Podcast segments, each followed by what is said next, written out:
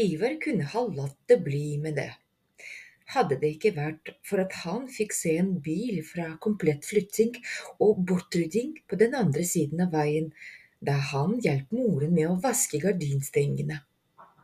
Den hoppet utenfor huset til Dance. Sjåføren, som var kledd i oransje kjeledress, tok noe tungt ut av bilen og bar det inn i huset mens fru Dance holdt døra åpen for ham. Ivor kjente fru Dance. Limonaden hennes var veldig populær hos voksne som hadde hagefest, og hun pleide alltid å fortelle Ivors mor hva hun mente om aksjonene hennes. Hun hadde visstnok en sønn som het Albert, men Ivor hadde aldri sett ham. Ifølge Ivors mor var han sykelig og hadde ligget på sykehus i det meste av barndommen. Skal fru Dans og sønnen hennes flytte? spurte han og prøvde å ikke miste gardinringene hun rakte ham. Jeg tror ikke det, hvorfor spør du? svarte moren. Det står en flyttebil utenfor, sa Ivar. Moren kikket ut av vinduet. Det er ikke pent å spionere på naboene, sa hun. Unnskyld, da han hadde tørket av den siste gardinringen, spurte han, Kan jeg gå ut og leke i hagen nå? Ja, det kan du vel, sa moren, så lenge du husker å ta gulvlissene før du legger deg. Ivor gikk ut for å sjekke litt. Barnet i bøkene han likte å lese, drev alltid og etterforsket mystiske ting som foregikk. Det skjedde mye rart i bøkene, men det endte som regel bra. Forfattere ville vel ikke få lov til å skrive sånt hvis det ikke var sant, tenkte han. Etter tre runder rundt flyttebilen var Ivor skuffet over at han ikke hadde overhørt noen samtaler eller funnet ledetråder slik som i bøkene.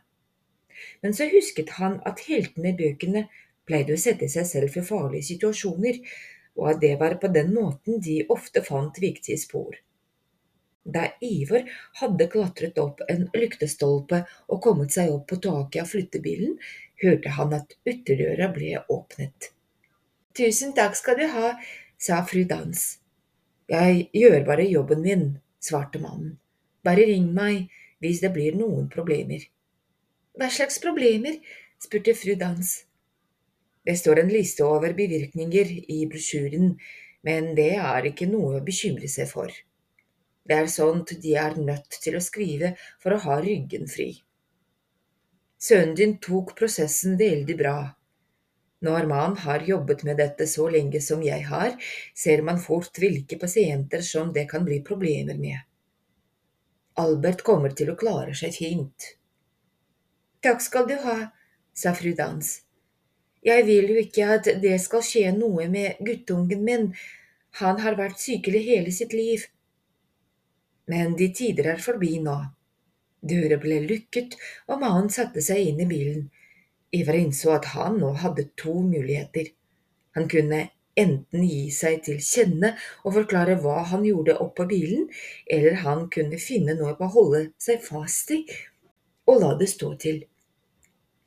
Barna i bøkene overlevde alltid når de gjorde noe farlig, så derfor ble han liggende oppå bilen.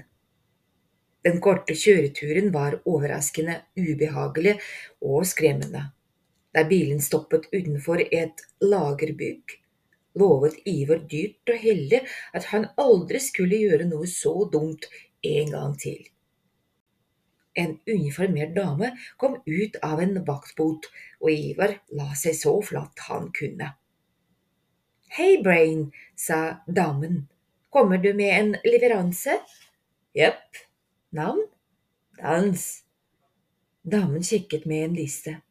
Stemmer, alt i orden. Er det greit at jeg lar bilen stå her inne til etter lunsjen? Parkeringsvaktene er helt gærne her. Sist gang jeg sto ulovlig, kostet det meg tre månedslønner. Skal vi spise lunsj sammen?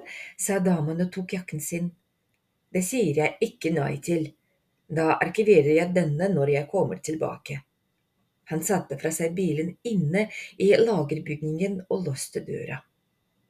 Ivar klatret ned på gulvet og åpnet bakdøra på bilen. Inni var det en pappeske merket med en stor, rød D. Inni esken fant han en papirslåbrok, en stabel med bøker og et sykehusarmbånd med navnet Dance Albert. Han lukket esken og døra på bilen. Lageret var fullt av likeesker, alle med en bokstav på siden. Han tittet oppi et par stykker og fant ut at de inneholdt fotografier, brev, pynteting og klær.